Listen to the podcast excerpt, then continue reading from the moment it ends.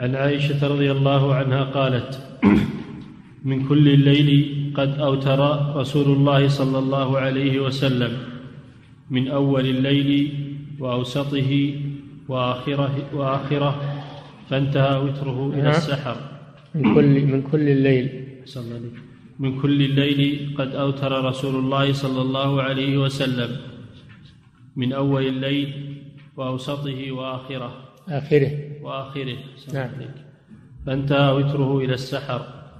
نعم هذا يدل على أن الوتر محله كل الليل من صلاة العشاء إلى طلوع الفجر. في أي ساعة أوتر فقد أدى الوتر في وقته. ولكن الأفضل لمن يثق من قيامه في آخر الليل أن يؤخر الوتر. وأن يقوم من آخر الليل ويصلي ما تيسر له ثم يختم صلاته بالوتر. هذا هو الأفضل. وإن خشي أن لا يقوم من آخر الليل فإنه يوتر من أول الليل محافظة على الوتر يوتر من أول الليل. ثم إن قدر أنه يقوم آخر الليل يصلي ما تيسر ويكتفي بالوتر الأول ولا يكرر الوتر يكتفي بالوتر الأول ويصلي من آخر الليل ما تيسر له. زيادة خير.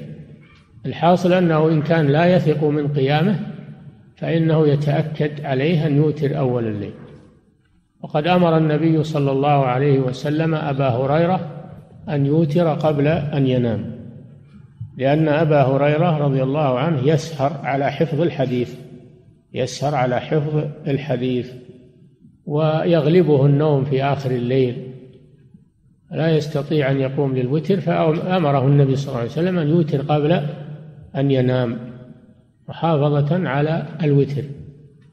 نعم.